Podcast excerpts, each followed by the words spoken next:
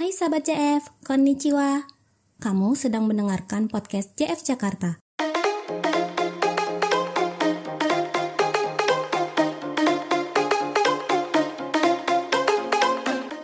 Japan Foundation atau lebih dikenal dengan JF adalah lembaga nirlaba milik pemerintah Jepang yang bergerak dalam bidang pertukaran budaya internasional. Di podcast ini, kamu akan mendengar obrolan tentang budaya Jepang dengan tema yang menarik, informatif, dan edukatif.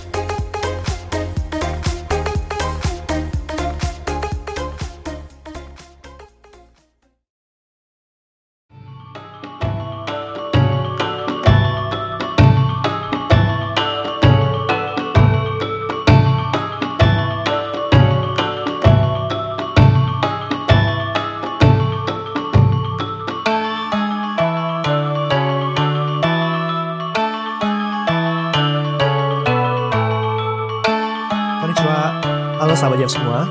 Podcast JF Jakarta kembali hadir dengan Bicara Bencana. Apa kabar sahabat JF semua? Semoga sahabat JF sekalian tetap sehat. Dan serial podcast Bicara Bencana ini kami desain secara khusus untuk berdiskusi santai tentang isu-isu kebencanaan dan juga lingkungan. Dan di sini kami mencoba untuk memberikan informasi yang tidak hanya penting tetapi juga menarik. Bicara Bencana ini merupakan rangkaian dari EcoCreate Fest, sebuah festival yang mengangkat tema tentang pentingnya belajar tentang kebencanaan dan juga lingkungan dengan pendekatan kreatif. Ada apa aja sih di EcoCreate Fest tahun 2022 ini? Selain serial bicara bencana di podcast JF Jakarta, kami juga menghadirkan pameran online, Hands Connect, dan juga serangkaian workshop menarik lainnya. Dan teman-teman bisa cek informasi detail di semua kanal media sosial JF Jakarta. Nah, teman-teman, eh, selamat datang di episode kali ini. Dan di episode kali ini kami sudah menghadirkan Kak Eva Bakhtiar untuk mengobrol seru tentang ga- gamifikasi dan seni untuk membangun kesiagaan. Nah, apa sih kira-kira yang akan kita bicarakan kali ini? Mungkin teman-teman baru pertama kali dengar istilah gamifikasi. Jadi apa sih gamifikasi itu dan juga eh, membangun kesiap ke membangun kesiagaan untuk apa? Nah, ini eh, untuk menjawab pertanyaan ini kita langsung undang Kak Eva. Halo Eva. Hai Mas Adi, apa kabar? Baik. Apa kabar juga Eva? Sehat-sehat di Surabaya lagi hujan mulu. Oh, lagi lagi hujan mulu ya. Sama sih di Jakarta juga hujan mulu. Hujan badai. Hujan angin ya. Hujan angin. Sama sih kayaknya emang emang emang ini ya, emang emang emang cukup merata kayaknya hujan angin. Eh, emang lagi musimnya nih kayaknya. Iya, iya. Dan ini musim-musim eh, apa namanya? eh badai, terus nanti nyusul ke banjir dan yang lain-lain. Ya kan? Amit-amit jangan sampai sih. Banjir buat Jakarta aja. Lah jangan lah kalau jangan jadi. Tapi tapi ketika kita ngomongin banjir ini justru penting karena eh, di bicara bencana ini kita membicarakan tentang eh, ya banjir juga apa badai dan yang lain-lainnya juga. Jadi gimana cara teman-teman untuk siap siaga untuk ketika bencana terjadi. Nah, Fa, eh, thank you udah mau diundang nih ke apa serial podcast bicara bencananya Jeff Jakarta. My pleasure. Eva boleh kenalan dulu nggak? Jadi ini kan sahabat JF belum kenal nih Eva itu siapa sih? Tuh, Jadi monggo silakan kenalan dulu. Siapa sebenarnya si Eva Bahtiar ini? Eva ini bukan siapa-siapa. Tapi kalau teman-teman kenalin saya Eva Bahtiar. Em, kalau dulunya sih em, kenapa bisa kenal sama Mas Adi itu karena kebetulan gabung di eh, programnya Japan Foundation ya yaitu Hands itu dan kemudian memang dari situ em, kita banyak bikin inisiatif-inisiatif baru nih termasuk yang nanti bakal aku kenalin lah ke teman-teman gitu. Kalau sehari-harinya um, apa ya punya beberapa social enterprise lah dua dua menjalankan dua social enterprise yang satu di bidang kesiapsiagaan bencana itu dan yang satunya lagi di bidang um, apa tuh um, sampah makanan ya lebih fokusnya ke isu sampah makanan gitu jadi domisilinya di Surabaya saat ini Oke. cukup gitu mungkin Boleh boleh boleh boleh. Kalau pertamanya juga boleh sih. cukup sih Eh, Fa, ini kan eh, tema kita hari ini kan eh, gamifikasi dan seni untuk membangun kesiagaan nih. Cuma sebenarnya gamifikasi itu apa sih ini? eh, aku yakin banget sahabat JF ini banyak yang belum tahu nih gamifikasi itu sebetulnya apa. Jadi apa sih ini sebenarnya? Ya, ya. Jadi sebenarnya kalau gamifikasi itu mungkin ya emang terdengar asing, tapi sebenarnya kita bisa nebak-nebak lah artinya gitu ya. Gamifikasi kan intinya kata dasarnya dari game gitu. Jadi memang sebenarnya intinya adalah gimana caranya kita menerapkan konsep-konsep game atau konsep-konsep permainan itu ke hal-hal yang non game atau non permainan gitu. Nah, ini khususnya tuh applicable ketika kita memang pengen menerjemahkan beberapa materi gitu ya, yang yang misalnya agak berat, agak susah. Nah, gimana caranya supaya lebih mudah diterima sama orang? Um, kita ubahlah dia ke dalam bentuk game atau permainan yang biasanya sih orang-orang lebih seneng gitu, lebih gampang diterima, ya kan? Soalnya ya game is fun gitu ya, people love it lah istilahnya. Jadi sebenarnya konsep besarnya tuh um, seperti itu, Mas Adi. Oke, jadi um, gamifikasi itu berbeda ya dengan uh, permainan pada umumnya. Jadi kalau misalnya kayak petak umpet dan segala macamnya itu, itu nggak bisa dibilang sebagai gamifikasi ya. Itu Kalau- hanya game biasa hmm. saja ya.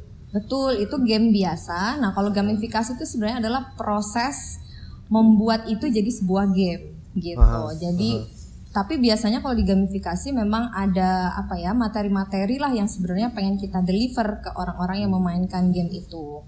Gitu. Meskipun kalau game-game mungkin kalau game-game tradisional tuh emang ada ininya lah ya ada wisdomnya atau Ya, ada ya, ada ya, ya. manfaatnya gitu. Nah kita juga pengen mendeliver itu sebenarnya di game-game yang yang kita ciptakan tapi mungkin lebih spesifik. Jadi misalnya kalau hari ini kita bicara tentang kesiapsiagaan bencana berarti Aha. gimana caranya kita mengajarkan itu lewat game gitu Oke. Jadi ketika misalnya em, apa namanya? Kalau tadi kita ngomongin tentang petak umpet ya. em, ketika petak umpet itu kemudian dimasukkan dengan eh, eh, informasi ketika memainkan game itu kemudian dimasukkan informasi-informasi atau edukasi tentang eh, bencana misalnya kesiapsiagaan bencana. Berarti itu bisa termasuk ke dalam sudah bisa termasuk ke dalam gamifikasi. Bisa jadi, bisa jadi. Ah, jadi oke. memang itu adalah eh, metodenya. Cuman ya itu tadi ya, em, kita harus make sure juga kalau materi-materinya tuh ke deliver dengan baik sesuai Ya, ya. em, tujuan kita. Mhm, mhm. Nah, eh, ketika kita membicarakan tentang gamifikasi dan seni untuk membangun kesiagaan nih. Nah, di sini nih kesiagaan untuk apa sih yang yang yang yang yang yang yang kita bahas? Ya, em, sebenarnya em, yang lagi pengen kita bahas tuh adalah kesiapsiagaan ke terhadap bencana ya, Mas Adi Hmm. gitu. Spesifiknya tuh tentang itu. Em, jadi memang kita di Indonesia ini, kalau orang bilang tuh Indonesia tuh adalah supermarket bencana gitu. Mau bencana jenis apa pun aja kan ada di Indonesia gitu ya. Um, dan kita juga sebenarnya menurut statistik adalah salah satu negara paling rawan bencana juga. Dan kalau berdasarkan resiko-resikonya, uh, misalnya sesuai apa ya 2009 um, Global Assessment Report, kita tuh peringkat satu resiko tsunami, kita peringkat satu tanah longsor, peringkat tiga gempa gitu. Nah, um, tapi apa meskipun kondisinya seperti itu ternyata kebencanaan di Indonesia itu ya masih apa ya belum terlalu dianggap serius lah Um, kita juga bisa melihat kalau edukasi kebencanaan itu belum terlalu komprehensif dan bahkan belum masuk juga misalnya dalam uh, kurikulum pembelajaran nah jadi kita harus uh, apa nih menemukan cara-cara kreatif untuk mendeliver uh, edukasi kebencanaan itu termasuk salah satunya lewat game-game jadi mungkin latar belakangnya tuh kurang lebih seperti itu Hmm. Tapi eh, kira-kira kenapa ya? Ka- Kan tadi kan Eva bilang bahwa eh, apa namanya pendidikan kebencanaan itu juga dinilai masih kurang. Eh, kalau memang Indonesia menduduki peringkat teratas, peringkat teratas untuk apa namanya tingkat kerawanan terhadap bencana itu, Hmm. kenapa justru pendidikan terhadap pendidikan kesiapsiagaan bencana itu malah justru kurang? Nah kalau itu jangan tanya saya ya pak Oh gitu ya? oh salah ya tanyanya ya? justru itu yang mau kita kritik kan sebenarnya atau Oke oke. Uh, uh, selama misalnya um, sistem yang ideal itu belum ada di Indonesia ya sebenarnya kita bisa ambil bagian lah uh, berkontribusi lewat apa yang kita bisa gitu termasuk apa yang mungkin teman-teman di uh, Japan Foundation lakukan kita di Sarsat lakukan gitu itu kan sebenarnya kontribusi-kontribusi kecil kita ya untuk menangani Ya, ya. masalah ini gitu mumpung uh, uh, atau sementara situasi di Indonesia memang belum belum ideal gitu. Nah, eh, ini ini ini eh, kita coba ngomongin ke gamifikasi lagi katanya dengan gamifikasi. Jadi eh, prinsip konsepnya tadi kan dibilang bahwa gamifikasi itu adalah apa merubah uh, pesan-pesan yang kemudian di, dijadikan dalam sebuah bentuk permainan seperti itu kan. Tapi prinsip dasar dari gamifikasi sendiri itu apa aja sih? Ya, ya. Um, jadi sebenarnya satu yang paling penting um, tujuan pembelajarannya tuh harus tetap tercapai gitu ya. Jadi memang harus seimbang nih antara unsur gamenya sama unsur pembelajarannya. Hmm. Jangan sampai um, berat sebelah gitu. Hmm. Misalnya kalau terlalu berat di unsur gamenya juga, oke okay, uh, orang-orang have fun, uh, menyenangkan, tapi ternyata nggak ada pelajarannya yang nyantol nih misalnya setelah dia beres main game udah dia hmm. lupa hmm. gitu. Nah jangan sampai kayak gitu juga. Atau misalnya um, terlalu berat di sisi pembelajarannya sampai orang-orang tuh sebenarnya meskipun main game tapi mereka nggak have fun gitu. Jangan sampai uh, begitu juga. Jadi itu memang kita harus apa ya hati-hati di porsinya tuh harus seimbang um, itu menurut saya prinsip yang um, paling utama kemudian um, khususnya spesifik nih misalnya di kebencanaan gitu ya Mas Adi kita harus mhm. seimbangkan juga antara materi-materi yang menyangkut knowledge sama materi-materi skill gitu. Karena itu bisa jadi um, sangat berbeda manfaatnya dan uh, metodenya juga. Nah jadi mungkin kalau belum terlalu familiar kalau knowledge itu kan um, terjemahan bebasnya adalah pengetahuan ya. Kalau skill itu kan keterampilan gitu. Nah, knowledge itu misalnya adalah kita tahu bagaimana cara evakuasi ketika gempa gitu.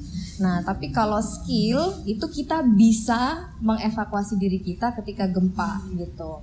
Nah, memang kalau misalnya kita terapkan gitu ya di permainan, nggak semua materi juga bisa dijadikan um, apa ya namanya uh, game-game yang pakai skill gitu. Um, apa karena masalah apa tuh namanya diversifikasi juga atau masalah variasi. Memang kalau materi-materi yang skill, ya maksudnya yang kita langsung gerak, um, langsung latihan gitu. Misalnya kalau evakuasi ya, um, dibandingkan kita cuma belajar cara evakuasi, um, kita langsung dipraktekin tuh misalnya langsung praktekin larinya misalnya nah itu memang akan biasanya relatif lebih mudah diingat karena selain selain kita um, apa namanya berpikir badan kita tuh juga um, apa ya menyim, okay. menyimpan memori gitu hmm, hmm. ada ada kegiatan yang sifatnya partisipatif ya dari betul. Uh, dari permainan itu sendiri ya betul secara hmm. motorik nah hmm. tapi um, perlu diseimbangkan juga dengan yang knowledge yang knowledge ini biasanya tuh um, apa ya misalnya kita belajar barang-barang apa aja sih yang harus kita bawa di emergency bag. Nah, itu kita pakai metode main kartu misalnya. Nah, hmm. kalau itu tuh biasanya knowledge gitu. Jadi, tapi ini harus diseimbangin juga. Maksudnya jangan semuanya knowledge aja. Jadi semuanya ya, ya tahu ya, ya. tapi nggak ada yang pakai skill gitu. Itu hmm. juga harus kita um, seimbangkan. Terus prinsip lainnya tuh um, ini sih Mas biasanya harus ada umpan balik langsung. Maksudnya kalau kita main game terus kita mengambil keputusan yang benar atau salah itu langsung ada feedbacknya, langsung ada umpan baliknya. Jadi misalnya um, kalau kita ngambil barang yang salah dalam waktu bencana nih misalnya, yeah, yeah. itu kan berdampak. Nah kalau di game itu harus dibikin juga tuh feedbacknya apa, entah misalnya oh. dapat hukuman atau dapat skornya berkurang misalnya, Sejen, sejenis itu untuk menghasilkan impact yang mirip-mirip gitu. Oke okay, oke. Okay. Terus uh, prinsip lainnya tuh sebenarnya memang game itu bisa dimainkan secara individu gitu ya, tapi biasanya untuk bikin lebih seru um, kita bisa juga masukkan aspek-aspek uh, komparasi sosial gitu.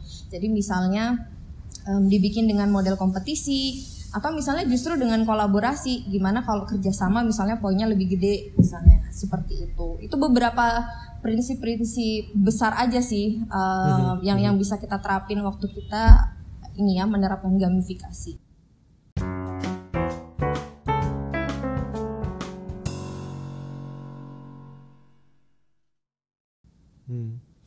Um, tapi kemudian yang jadi pertanyaan, uh, kenapa gamifikasi? Maksudnya, kenapa harus menggunakan gamifikasi? Apa yang membuat gamifikasi ini menjadi uh, penting untuk membangun kesiagaan? Karena metode metode-metode lainnya kan juga juga ada banyak gitu. Misalnya bisa menggunakan um, lewat lagu atau lewat tarian dan yang lain-lain. Tapi apa sih yang spesial dari gamifikasi ini?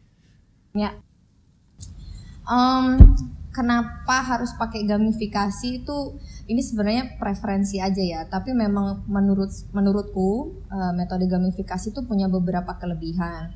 Yang pertama adalah um, kita bisa mengubah materi-materi yang biasanya cukup berat, jadi jadi lebih menyenangkan gitu ya.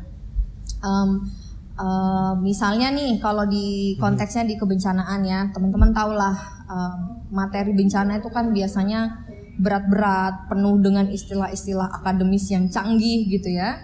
Dan sebenarnya sudah banyak sosialisasi kebencanaan misalnya ya. Tapi biasanya kan juga metodenya membosankan. Orang-orang juga yang ngedengerin biasanya um, pada ngantuk-ngantuk gitu. Nah kalau kita pakai metode gamifikasi um, kita buat supaya lebih fun terus lebih engaging juga. Jadi lebih kita tuh lebih attach gitu dengan dengan materinya dan yang paling penting adalah bikin orang tuh nggak sadar sambil main orang tuh nggak sadar kalau dia sebenarnya lagi belajar gitu belajar okay. belajar bencana gitu. Aha, aha. Jadi uh, pesannya pesan-pesan yang subliminal ya untuk jadi pesan-pesan yang pesan-pesan yang di Inception gitu. Iya iya. Pesan-pesannya pesan-pesan yang apa tidak disadari tapi itu benar-benar meresap gitu ya. Benar-benar masuk hmm. gitu, harapannya. Oke okay, oke okay, oke. Okay. Nah, uh, kalau dari Eva sendiri uh, gamifikasi apa yang sudah dilakukan sama Eva dan teman-teman? Oke, jadi gamifikasi ini metode utama memang yang kita pakai di um, di Starsite. Jadi metode Starsite, oke. Okay. Hmm, uh, di Starsite ini kita pakai gamifikasi itu untuk bikin um, event-event pendidikan kebencanaan untuk anak-anak gitu. Hmm.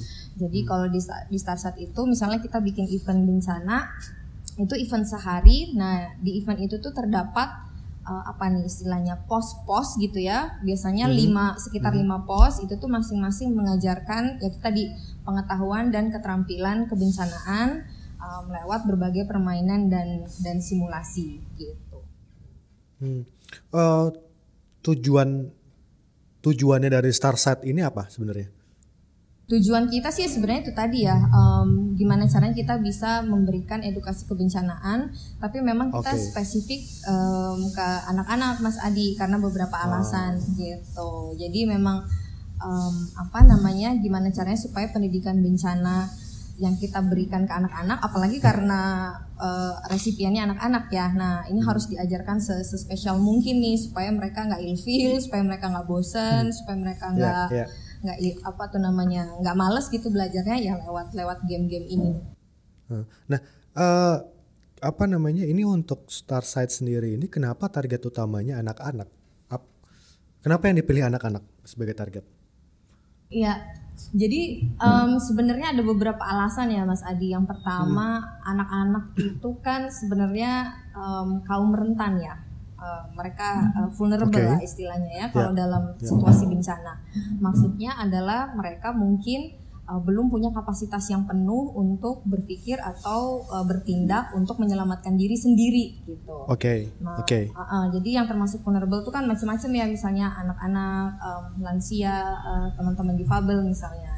Nah, itu hmm. alasan pertama. Yang kedua, tapi kita melihatnya uh, at the same time mereka itu juga kayak sponge, Mas Adi. Jadi oh. um, apa namanya sangat mudah menerima um, materi dan mengubah perilaku gitu dibandingkan hmm. misalnya ketika kita ngajar-ngajar orang dewasa yang dia tuh udah punya set of experiences yang udah terbentuk gitu ya di kepala hmm. mereka hmm. gitu um, jadi meskipun mungkin metodenya agak lebih tricky ke anak-anak tapi mereka itu begitu masuk wah itu bisa diingat terus gitu misalnya. Mm -hmm. jadi uh, memang kita ngerasanya sih mengubah perilaku anak-anak itu lebih penting eh lebih mudah sorry dibandingkan kita mengubah perilaku um, keluarganya misalnya. Tapi uh, at the same time juga anak-anak ini bisa jadi celah nih buat mengedukasi anak bisa jadi itu sebenarnya mengedukasi keluarganya juga gitu. Karena biasanya anak anak-anak tuh cerita kan ma aku tadi yeah, habis, yeah, yeah, yeah, yeah. habis uh, belajar ini nih um, sama teman-teman habis belajar caranya um, nyelamatin diri kalau ada kebakaran. Oh iya caranya hmm. gimana nak? Gini gini gini gitu misalnya.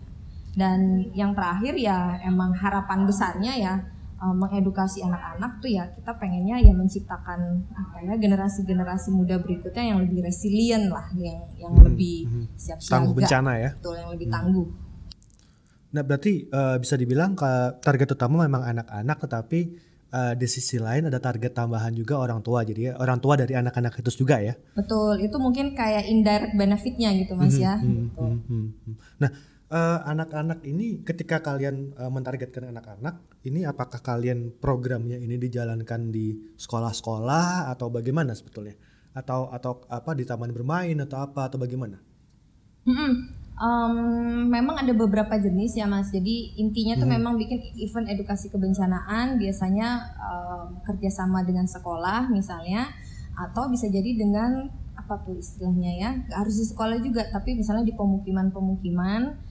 Oh, oke. mm, atau biasanya kita buka secara umum aja, jadi siapa yang mau daftar itu boleh. Biasanya yang kita bikin di Surabaya tuh gitu.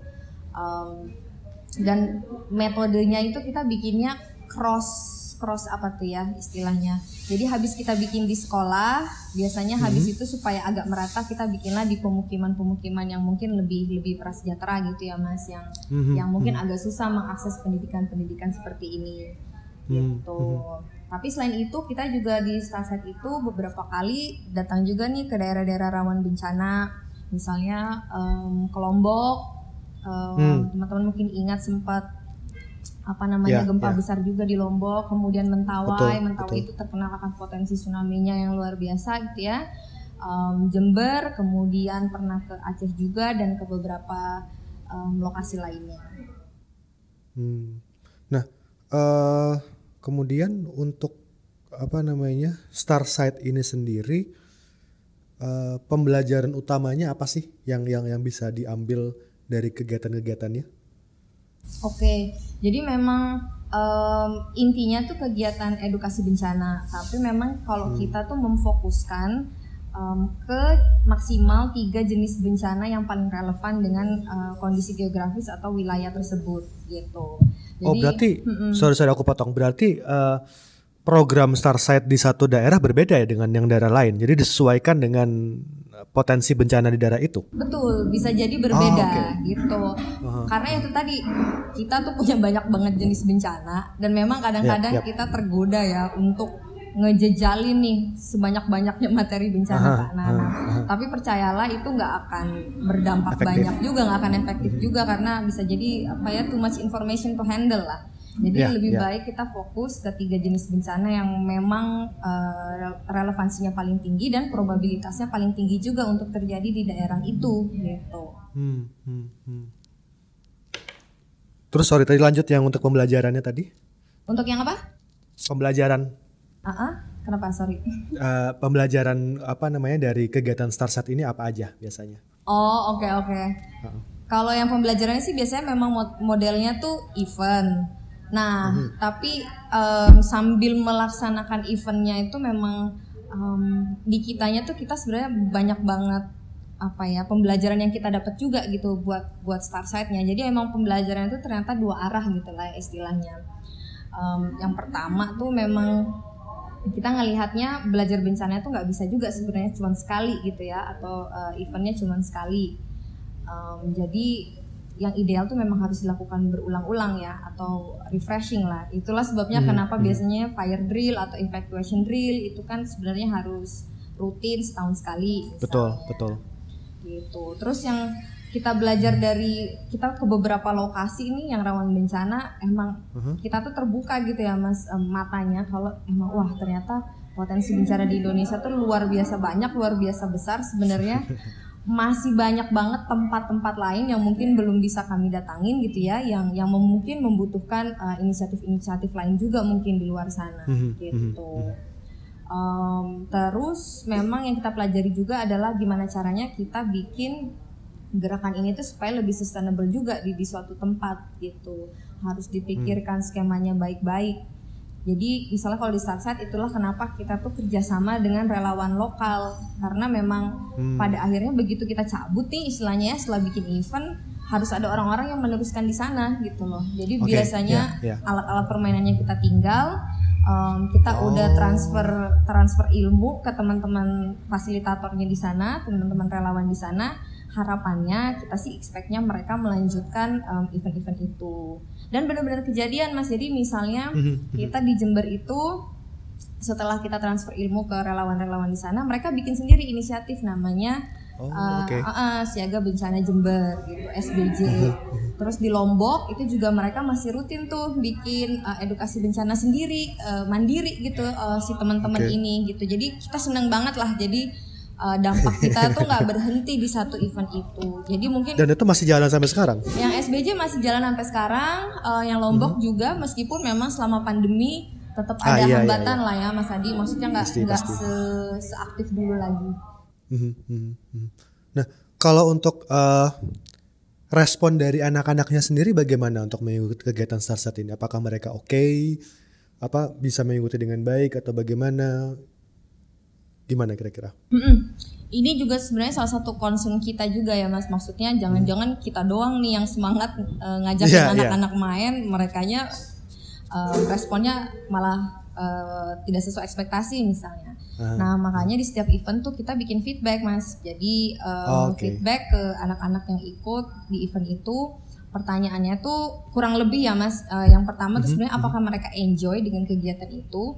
Dan yang kedua, apakah mereka paham dengan eh, materinya gitu? Dan Hmm, dan feedback yang kita dapat dari berapa ya udah ribuan peserta yang ikut itu memang Mhm. apa ya ya ya cukup bagus lah bukan cukup bagus bagus lah wait jadi em, 99% bilang mereka enjoy dan 98% bilang materinya tuh sampai em, dan mereka bisa ingat gitu jadi Oke. Um, itu menurut kami feedback yang yang luar biasa juga ya. Oh berarti metode yang kami jalankan meskipun masih bisa diimprove tentunya, tapi ternyata udah udah cukup sesuai ekspektasi lah.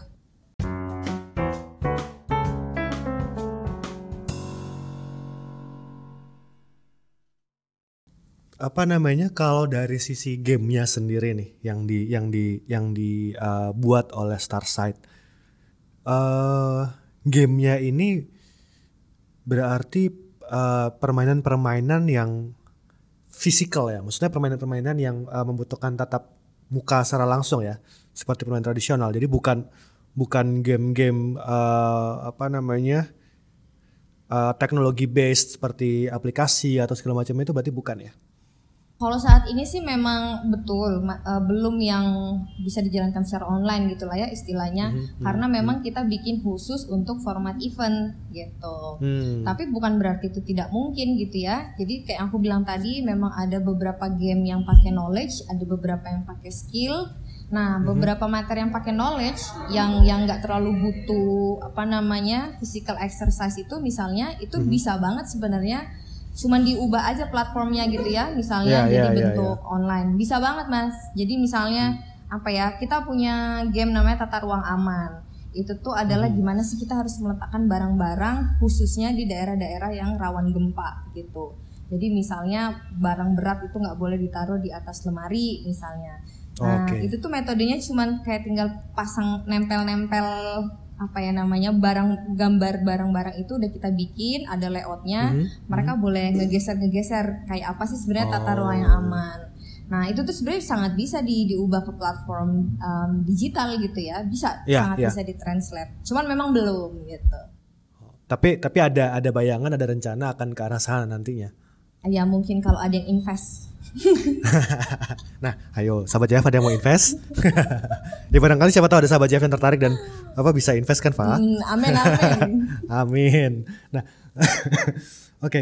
Nah, untuk eh, apa namanya proses pembuatan gamenya sendiri ini gimana sih? Ya, kalau proses pembuatan game tuh memang biasanya di di, di grup itu em, apa game desainernya biasanya aku, Eh, game Oke. konseptornya sorry.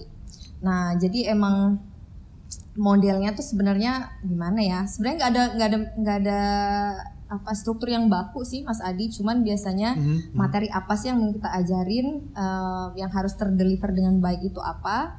Terus mulai mikirin alternatif dulu biasanya opsi-opsi game apa nih yang masuk gitu. Uh, dan biasanya game-game itu emang kadang-kadang nggak harus kita apa ya kita nggak perlu reinvent the wheel lah sebenarnya kadang-kadang.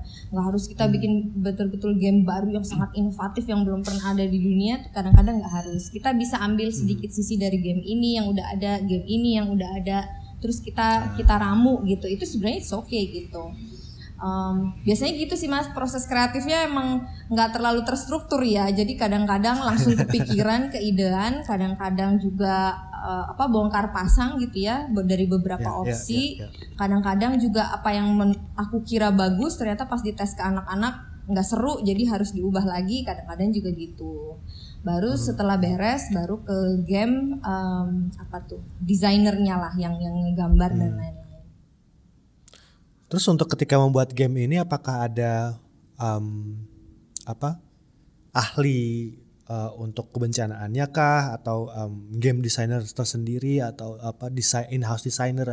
Karena kan kalian mendesain game yang uh, apa namanya uh, bertujuan untuk mem mem memberikan pengetahuan tentang kebencanaan gitu kan. Kalau misalnya memberikan ilmu kebencanaan kemudian gamenya itu secara scientific misalnya salah atau apa itu kan juga justru berbahaya gitu kan. Nah ini ada nggak sih apa namanya uh, ahli di balik game-game ini? Ya, ya bener banget sih mas, bener banget. Um, apa ya um, kita tuh takut banget kalau misalnya salah salah ngasih materi gitu loh soalnya yeah, ini yeah, kan yeah. menyangkut bisa dibilang ya uh, hidup dan mati juga kan sebenarnya kalau soal yeah, bencana. betul betul betul. Nah, yang menarik tuh untungnya di di dalam grup kita uh, yang semuanya kebetulan alumni dari Project Hands. Um, jadi Project Hands itu mungkin kalau aku boleh cerita adalah dulu tuh kita dipertemukan uh, waktu kita dapat kesempatan uh, dari Japan Foundation untuk belajar kebencanaan di empat negara gitu ya di Indonesia, hmm, hmm. terus kemudian di Filipina, um, Thailand dan Jepang. Nah, kebetulan hmm. tuh teman-teman yang yang ada di sana tuh dari berbagai macam background juga. Jadi di grup Starset itu sendiri orangnya pun dari berbagai macam latar belakang dan expertise gitu sebenarnya. Hmm. Um, termasuk di grup kita tuh ya kita punya ahli bencana Mas, emang ahli bencana yang udah 20 tahunan lah um, melakukan riset kebencanaan dan lain-lain. Kita juga punya uh, tim desainer khusus gitu ya. Um, hmm. dan teman-teman dengan dengan keahlian-keahlian lain yang saling melengkapi lah. Jadi untungnya aspek itu tuh uh, bisa diisi sama teman-teman yang yang yang yang memang ahli di bidangnya. Ya, ya, ya, ya. Nah, uh, kemudian untuk dalam proses baik itu pembuatan game, kemudian uh, ketika me, me, me, me, menyampaikan game itu ke uh, target itu tantangan apa aja sih yang yang dihadapin oleh Starsight? Kalau tantangannya ya biasalah mas ya karena ke anak-anak gitu ya. Ya. Tapi itu memang makanya kita lari sana lari sini dan segala macamnya. Kebayang sih. Makanya tapi itu um, ini sih kita juga harus hati-hati waktu bikin desain gamenya itu kita harus memperhatikan juga sebenarnya karakteristik anak-anak yang jadi uh, target edukasi kita tuh siapa karena misalnya ngajarin anak SD kelas 1 sama ngajarin anak SMP itu bisa jadi penerimaannya sangat beda uh, dan bisa jadi tantangannya juga sangat beda gitu tapi biasanya memang ini ya kita nggak selalu bisa mengcustomize game-game kita untuk kelas 1 sendiri beda kelas 2 hmm, beda kelas hmm. 3 beda nah jadi biasanya yang kita lakukan adalah kita bikin satu master game tapi level hmm. of apa tuh difficulty-nya uh, level kesulitannya itu yang kita uh, ubah-ubah gitu ya biasanya sih kayak oh, gitu okay. karena ya itu tadi nggak mungkin kita harus ngubah game semua materi kita dan uh, setiap setiap ketemu uh, resipien baru misalnya jadi yeah, yeah, strateginya yeah, yeah. gitu menarik menarik menarik nah um, kemudian ketika uh, menjalankan games ini um, apa namanya ada pengalaman uh, apa ya? Ada apakah ada pengalaman yang yang yang benar-benar uh, apa kayak merubah daya uh, pola pikir teman-teman uh, di Starsight atau atau gimana? Maksudnya uh, misalnya dari dari respon dari teman-teman uh, dari respon dari teman-teman relawan lokal atau misalnya dari respon dari anak-anak atau kejadian apa yang ada di lapangan yang yang itu kemudian bisa merubah uh, Starsat ini sendiri. Kira-kira ada nggak? Wow, dalam ya pertanyaannya. Sebenarnya ada sih beberapa yang yang aku paling inget ya mas. Um, dan ini ya mungkin bukan pengalaman yang membanggakan ya tapi sangat kami jadikan pelajaran gitu yaitu waktu Hmm. itu kita ngajarin eh, kebencanaan di salah satu rusun yang merupakan rusun tempatnya pengungsi dari konflik sektarian di Madura gitu agak ribet ya jadi ya Oh, jadi oke, mereka oke. tuh Iya, iya, konflik paham, paham, sektarian dikumpul Iya, iya, iya. tinggal di rusun gitu rusunnya itu lima lantai tam nggak ada lift dan itu rusunnya bisa dibilang nggak terlalu terawat gitu ya mas jadi kita sebenarnya ngeri juga nih kalau ada kenapa kenapa entah kebakaran gempa itu itu gimana metodenya juga kayaknya mereka nggak nggak nggak terlalu mikirin gitu nggak ada fire extinguisher dan segala macam gitu nah Itu di Sidoarjo atau Betul, di Surabaya? Sidoarjo. Tapi mereka pengungsi dari eh, Madura. Nah, Hmm, waktu itu kita belajar kebakaran nih karena kita ngelihatnya emang salah satu eh, apa namanya jenis bencana yang rawan kejadian di sana kan ya kebakaran Mhm, ya. mhm, mhm, Nah, ya jadi kita belajar waktu itu kalau ada kebakaran kita harus ngapain nih gitu. Dan itu Ya, pakai ya, metode skill. Jadi tadi tuh metode yang em, apa namanya yang langsung gerak gitu ya. Dan kita Mhm, mensimulasikan api-apinya tuh dalam bentuk yaitu gambar-gambar gambar-gambar api gitu. Nah, tiba-tiba Hmm. nih ada satu anak nih Mas yang langsung histeris tuh waktu itu waktu ngeliat gambar Oh ya? apinya iya. Kita kan kaget juga ya nih kenapa dia histeris gitu. Maksudnya why why gitu. Nah, em, tapi akhirnya waktu itu kita belajar kalau ternyata em, waktu sebelum mereka mengungsi itu mereka memang apa ya waktu waktu konflik rumah-rumah mereka di Madura tuh dibakar gitu. Oh, Oke, jadi trauma ya? Nah, somehow menimbulkan trauma yang waktu itu sayangnya kita nggak take into consideration gitu ya, waktu itu. ya, ya. Nah, Dan tidak menyadari bahwa akan ada potensi untuk betul, itu ya sebetulnya exactly, ya. exactly. Nah, tapi dari situ kita sangat belajar mas. Oh, ternyata memang kalau kita mau ke satu daerah baru khususnya ya, yang kita belum terlalu familiar dengan kulturnya, latar belakangnya dan lain-lain, Mhm. kita harus assessment yang sangat um, apa ya, ya se, se- sedalam mungkin lah gitu. Mungkin memang nggak mungkin kita ngegali semua ya, tapi Hmm. Yap, se- seteliti mungkin lah gitu. Jadi semenjak itu misalnya waktu kita ke Mentawai, kita ke Lombok, itu tuh memang ada assessment sendiri khusus beberapa hari itu untuk untuk belajar tentang kultur mereka gitu mas. Um, Cara mereka ngobrol, cara mereka apa ya misalnya ya tolong menolong dengan warga lain itu seperti apa, mempelajari hal-hal itulah karena itu kita ngelihatnya akan ngefek ke uh, materi game kita dan cara pendeliverannya juga gitu. Itu sih waktu itu yang paling aku inget ya gitu. Jadi duh minta maaf banget ya buat si adeknya tapi Tapi nggak apa-apa pada akhirnya nggak apa-apa kan? pada akhirnya nggak apa-apa nggak nggak sampai tantrum gimana gimana ya cuman Oh, maksudnya iya, ya ya ya tidak di eks- ekspektasikan lah waktu itu terjadi yap, yap, gitu. yap, yap, yap. Ya pastilah kalau itu. Ya, ya. Em, Oke, eh, mungkin ini pertanyaan terakhir sih, Pak ya, Mhm. Eh, karena kita juga eh, apa namanya durasi juga. Siap. Em, apa sih eh, pesan dari Eva untuk Indonesia supaya lebih siaga bencana lagi gitu? oke Ketawa dulu malah dulu.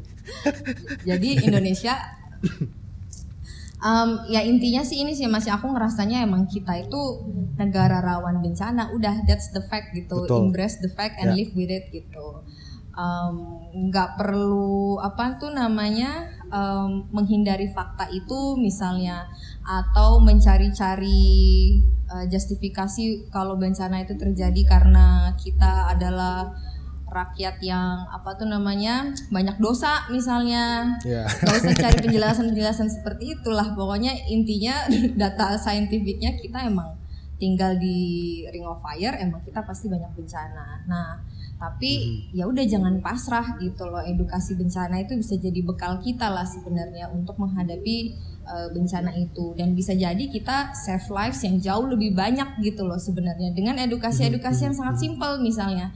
Karena yang aku pelajari juga dari edukasi kebencanaan yang kita pelajari di berbagai negara waktu itu mas emang sebenarnya nggak nggak ribet-ribet banget sebenarnya eh, ilmu dasarnya gitu ya ilmu dasar untuk evakuasi itu. Sebenarnya beberapa hal tuh sangat simpel kita cuma perlu tahu gitu. Nah tapi kalau nggak pernah see, dikasih tahu ya orang nggak akan tahu kan gitu jadi ya itulah em, kurang lebih jangan pasrah lah em, tetap usaha untuk cari ilmunya tetap belajar gitu Oke. Oke, eh, terima kasih banyak Eva Thank you Mas sudah Adi. bergabung di serial Bicara Bencana dan juga udah berbagi eh, insight-nya ke teman-teman sahabat JF semua. Eh, semoga Starsight dan juga project-project Eva lainnya juga berjalan dengan lancar dan juga terus apa ya, terus eh, memberikan eh, pengetahuan dan skill set untuk teman-teman ya. Amin. Thank you Mas Adi. Amin. Teman-teman yang lain juga misalnya kalau mau collab, punya ide-ide yang lain, Nah itu dia go tuh. ahead ya.